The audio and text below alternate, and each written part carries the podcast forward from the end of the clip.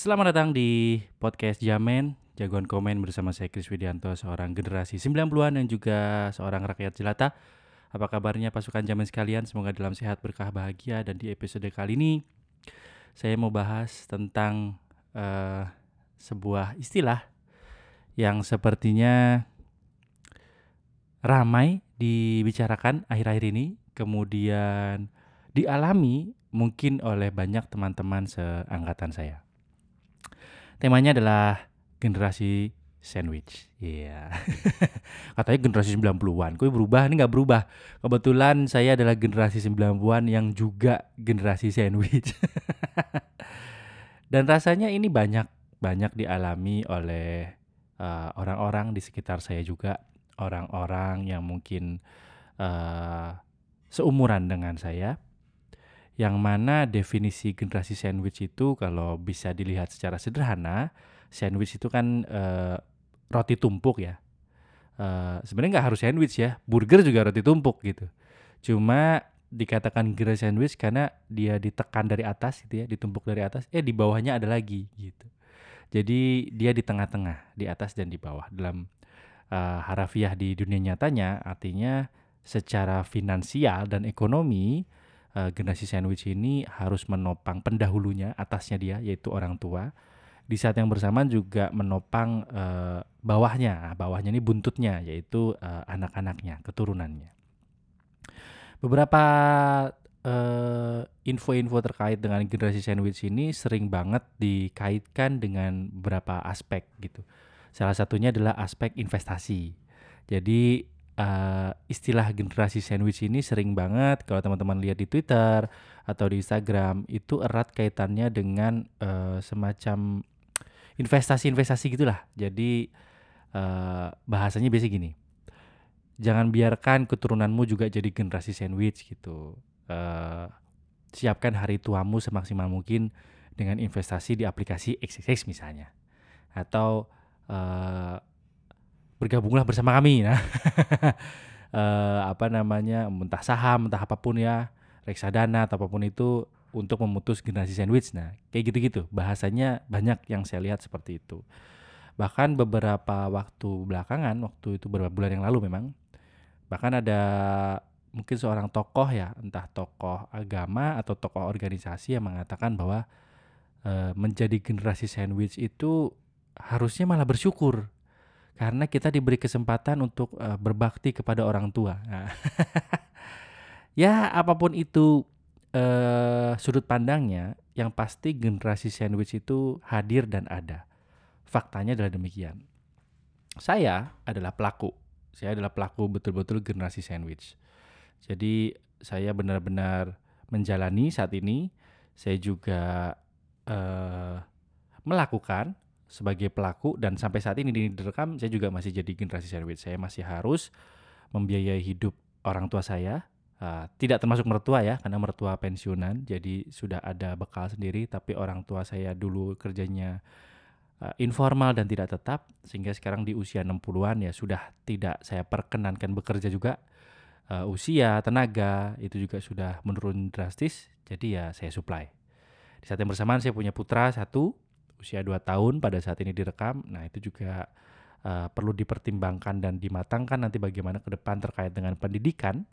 Apalagi setelah saya melihat teman sekantor saya itu ngedaftarin anaknya di uh, sebuah TK internasional yang katanya kalau dua tahun sekolah di sana itu bisa sampai ratusan juta. itu pilihan. Sekali lagi itu bukan standar, itu bukan SOP, itu bukan kewajiban yang harus diikuti, semuanya adalah pilihan. Tetapi memang generasi sandwich ini cukup kontroversial. Memang uh, beberapa orang uh, merasa ada yang ngeluh gitu dengan hidupnya. Kenapa sih saya harus jadi generasi sandwich? Saya harus ngidupin sana sini gitu. Kontroversialnya tinggi banget. Ada yang merasa ya ini sudah nasib gitu ya. Nasib saya seperti ini. Uh, sambil punya harapan bahwa kita masih kuat untuk menopang keduanya sembari juga menopang diri kita sendiri gitu. Jangan lupa ya diri kita sendiri juga harus ditopang ada orang tua, ada istri atau anak gitu ya. Tapi di tengah-tengah kita juga harus cukup waras untuk tetap menjalani hidup supaya kita masih bisa uh, tetap semangat gitu ya dalam dalam bekerja. Cuma uh, kalau saya mau mengambil sudut pandang pan, sudut pandang yang mana gitu ya, sudut pandang yang mana dua-duanya bagus gitu. Banyak yang saya bilang untuk segi investasi atau kita harus bersyukur sebagai generasi sandwich karena punya kesempatan untuk berbakti pada orang tua lebih banyak. Saya rasa dua-duanya cukup masuk akal uh, dari segi sudut pandang masing-masing. Keduanya hanya ingin menawarkan solusi atas gejolak batin dari para generasi sandwich ini. Keduanya menawarkan uh, pilihan sudut pandang untuk kita mau milih kita tuh mau yang mana. Kalau saya, saya akan pilih keduanya aja. Kita ambil baik-baiknya saja. Sebagai generasi sandwich yang cukup pas-pasan tentunya ya, yang tidak sampai kaya banget, tapi alhamdulillah tidak sampai kurang banget. Uh, mungkin berbeda kondisinya dengan pasukan Jamen yang juga uh, generasi sandwich, tapi dengan kondisi yang uh, berbeda. Tapi kadang-kadang kita butuh yang namanya stimulus-stimulus kecil di otak ini untuk menjaga tetap waras dan tetap termotivasi. Ya dengan banyak hal tentunya. Misalnya uh, kita punya cita-cita uh, bahwa suatu saat kita bisa sukses dengan cara kita masing-masing dan itu ditanamkan dalam hati, tanamkan dalam otak dan pikiran sehingga nanti akhirnya bisa berkembang menjadi sebuah action plan. Oh, saya mau melakukan satu, dua, tiga, empat. Bisa-bisa saja ada yang dari sudut pandang agamis misalnya atau agama misalnya bahwa berbaktilah kepada orang tuamu itu ada di semua agama itu juga menjadi salah satu motivasi gitu. Jadi ada yang mengatakan oke okay lah saya agak susah di dunia tapi mudah-mudahan apa yang saya lakukan bisa menjadi keringanan buat saya di akhirat nanti. Boleh. Apa pun itu pilihan tetap ada di para uh, teman-teman semua. Cuma sebagai sesama generasi sandwich atau buat siapa pun yang dengar ini dan merasa generasi sandwich adalah uh, mengeluh, kemudian juga sambat, itu manusiawi. Itu manusiawi. Sebagai manusia yang diberi akal, diberi perasaan sama Tuhan, bahwa ada rasa untuk mengeluh, ada rasa capek, ada rasa sesak, ada rasa untuk teriak, itu manusiawi. Dan memang jangan diignore, jangan di jangan di ditolak jangan diabaikan. Itu memang ada, perasaan itu ada. Tetapi kita perlu untuk meneruskan emosi-emosi itu supaya rilis dan keluar dari diri kita. Banyak macamnya. Yang tentunya tidak harus keluar uang, tidak harus healing itu harus keluar duit ya, staycation yang mahal-mahal malah tambah pusing. Orang duit aja udah mepet malah ditambah staycation tambah pusing lah. Tapi banyak banyak hal. Teman-teman saya ada yang berolahraga, ada yang meditasi dengan ada yang namanya uh, mindfulness practitioner ya itu juga berusaha mengafiliasi diri sendiri. Oh saya bisa saya mampu saya kuat. Diulang-ulang-ulang lama-lama beneran kuat gitu. Apa yang diimajinasikan tuh lama-lama terjadi. Makanya Einstein berkata bahwa imajinasi lebih kuat daripada ilmu pengetahuan. Karena kalau imajinasinya itu kuat banget orang tuh saking imajinatifnya kan orang bisa halu ya. Orang tuh bisa aneh-aneh gitu. Bisa merasa dirinya tuh super merasa dirinya itu apa gitu. Dari imajinasinya dia dari apa yang ditanam di otak dia. Makanya kekuatan pikiran tuh kuat uh, ini banget strong banget kuat banget. Kalau kita menguatkan pikiran kita kita itu adalah generasi yang kuat kita orang yang kuat kita orang yang sabar kita orang yang bisa melewati ini tuh kuat beneran tiba-tiba. Hebat manusia tuh hebat. Allah menciptakan manusia tuh hebat banget.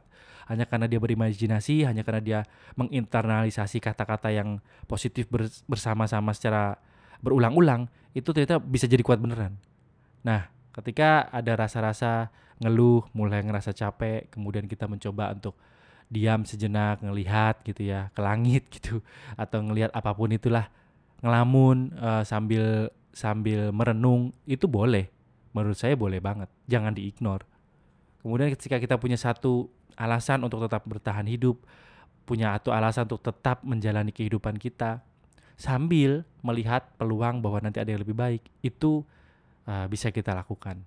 Jadi sebagai generasi sandwich jika apabila teman-teman ngeluh, ada capeknya, ada rasa lelahnya, ya wajar.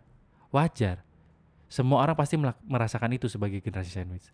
Tapi kita bisa lihat senyum orang tua kita ketika kita pulang, senyum orang tua kita ketika kita ajak makan, senyum anak-anak kita ketika kita ajak main, senyum anak-anak anak istri kita ketika kita ajak untuk ke sekolah misalnya lihat sekolah senyumnya mereka ketika mereka berseragam ganteng cantiknya mereka ketika mereka tuh uh, belajar pakai seragam hal-hal kecil ini yang kadang-kadang justru malah menjadi hal yang kuat buat kita sebagai generasi sandwich.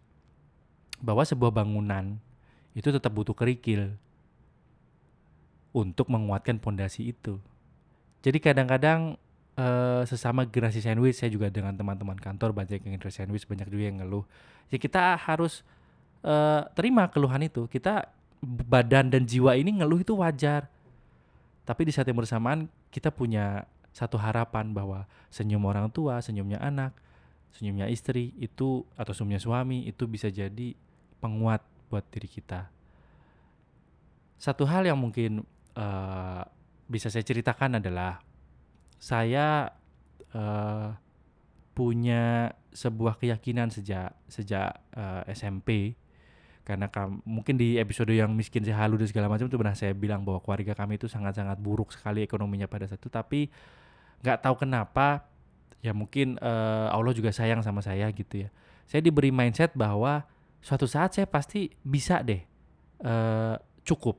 Saya tidak minta jadi kaya kaya banget kayak mungkin Raffi Ahmad, Andre Taulani atau artis apa pun, pengusaha apa pun yang duitnya miliar-miliar. Saya hanya bermimpi suatu saat hidup saya itu cukup. Artinya saya nggak berhutang, saya makan bisa, saya nyekolahin anak bisa, saya jalan-jalan bisa, saya pulang kampung bisa. Tapi nggak harus punya bermiliar-miliar kayak orang-orang kaya.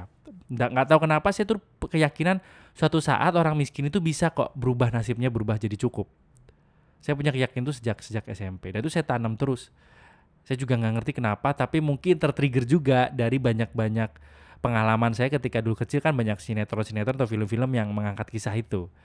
Kayak dulunya miskin, tiba-tiba jadi uh, berkecukupan karena proses dia sekolah, karena dia pantang menyerah, karena dia kenalan sama orang yang tepat. Kayak gitu itu banyak saya baca, saya tonton tuh banyak. Sehingga saya punya keyakinan itu. SMA walaupun waktu itu masih sangat buruk juga sampai sempat kelaparan beberapa hari, beberapa kali. Itu tetap saya mikir suatu saat saya pasti bisa deh cukup. Nggak tahu saya dari mana. Pada saat saya sekolah, eh, kuliah S1 itu juga sama bahwa ketika saya melihat saya bisa sekolah S1 dengan berbagai macam rintangannya, mulai di utang sana sini, pendaftaran yang udah mepet, ternyata tiba-tiba duitnya baru ada di injury time, pada pendaftaran yang udah tutup, tapi saya masih ngerayu tim uh, badan kemahasiswaan, administrasi kemahasiswaan dan akhirnya boleh daftar ulang, akhirnya mulailah saya jadi mahasiswa, mulailah saya empat tahun sekolah, akhirnya bisa kerja uh, jadi corporate ya, walaupun masih budak corporate juga, tapi perjalanan itu membuka uh, sedikit demi sedikit mimpi-mimpi saya ketika masih kecil tadi. Dan akhirnya ada satu titik di mana saya bisa berkata, alhamdulillah saya bisa bilang bebas dari uh, kemiskinan seperti yang saya alami saat SMP dan SMA. Dan faktanya memang kadang-kadang kita diberi pundak yang lebih kuat sama Allah, kita diberi ujian untuk jadi generasi sandwich. Itu Allah sudah ngukur bahwa, uh, orang ini pundaknya kuat. Makanya ketika saya itu berdoa dan banyak sekarang mungkin bertebaran quotes-quotes yang baik lah ya atau misalnya pendapat-pendapat yang baik. Kita tuh kadang-kadang jangan minta uang lebih banyak karena belum tentu bisa mengelola. Kita jangan minta harta yang lebih banyak karena mungkin kita bisa kalah.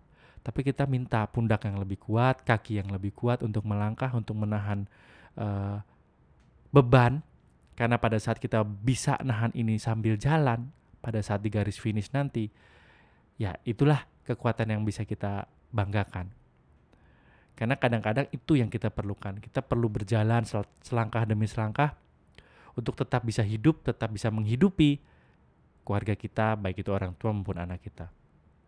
Jadi sebagai generasi sandwich, saya merasa kalau boleh saya bilang, saya memang uh, harus saya akui saya capek.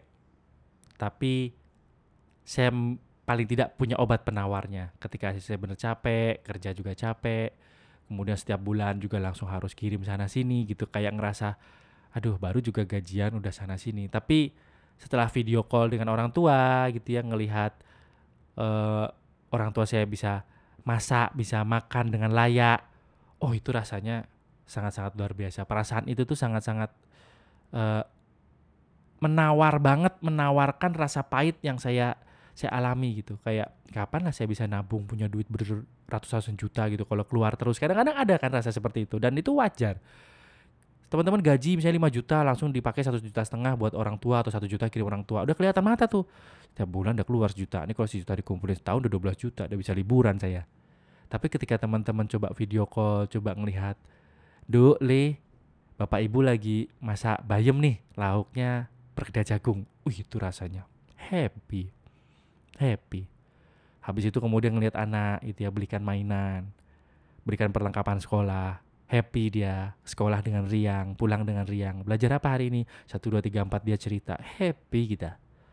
Sebagai kepala keluarga, sebagai laki-laki yang mungkin jadi tulang punggung keluarga, hal-hal seperti itu yang kadang bikin kita tetap waras. Hal-hal kayak gitu tetap kita bisa kuat. Karena kalau misalnya kita nggak punya doping itu atau misalnya duitnya itu keluar nggak jelas, pusing lah kita. Tapi ketika kita lihat, ya oke okay lah saya saya saya kirim orang tua, saya nyokolain anak, saya bilang itu bukan sebuah pengeluaran, itu justru investasi.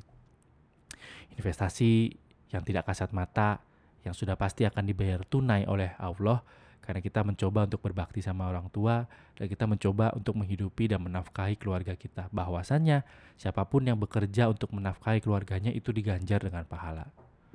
Makanya kadang-kadang kalau di saat saya capek gitu yang ngerasa kenapa sih saya nggak bisa sebebas uh, teman-teman saya gitu yang orang tua dan mertuanya itu bisa punya pensiunan atau punya usaha sendiri sehingga dia bisa mikirin diri sendiri at least dia cuma mikirin bawahnya buntutnya keturunannya dengan usah mikir orang tuanya saya kadang iri cuman harusnya dia juga iri sama saya. Karena mungkin perasaan happy ketika sekedar dikirimi foto bahwa orang tua saya bisa masak dengan layak, makan dengan layak, harusnya dia juga iri sama saya. Karena mungkin itu juga dia rindukan. Atau mungkin dia juga pengen ada perasaan kayak gitu. Jadi kembali ke mindset bahwasannya jadi generasi sandwich itu tidak salah.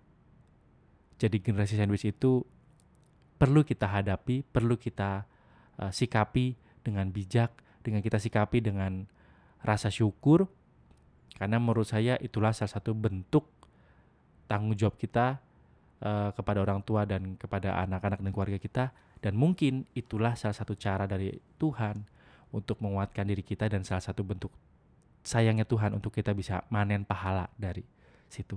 Memang tidak ada hal lain kalau kita lihat secara kasat mata finansial, rugi. Secara finansial mah rugi. Keluar duit mana ada yang untung? Keluar duit pasti rugi. Tapi itu hitung-hitungannya dunia sih. Kalau hitung-hitungannya Allah saya yakin pasti kita punya ganjarannya apa pun itu bahwa teman-teman itu jarang sakit teman-teman tidak punya hutang teman-teman tidak diteror teman-teman selalu ketemu orang-orang baik. Jangan lupakan jangan-jangan itu salah satunya dari karena kita berbakti sama orang tua sama menafkahi keluarga kita.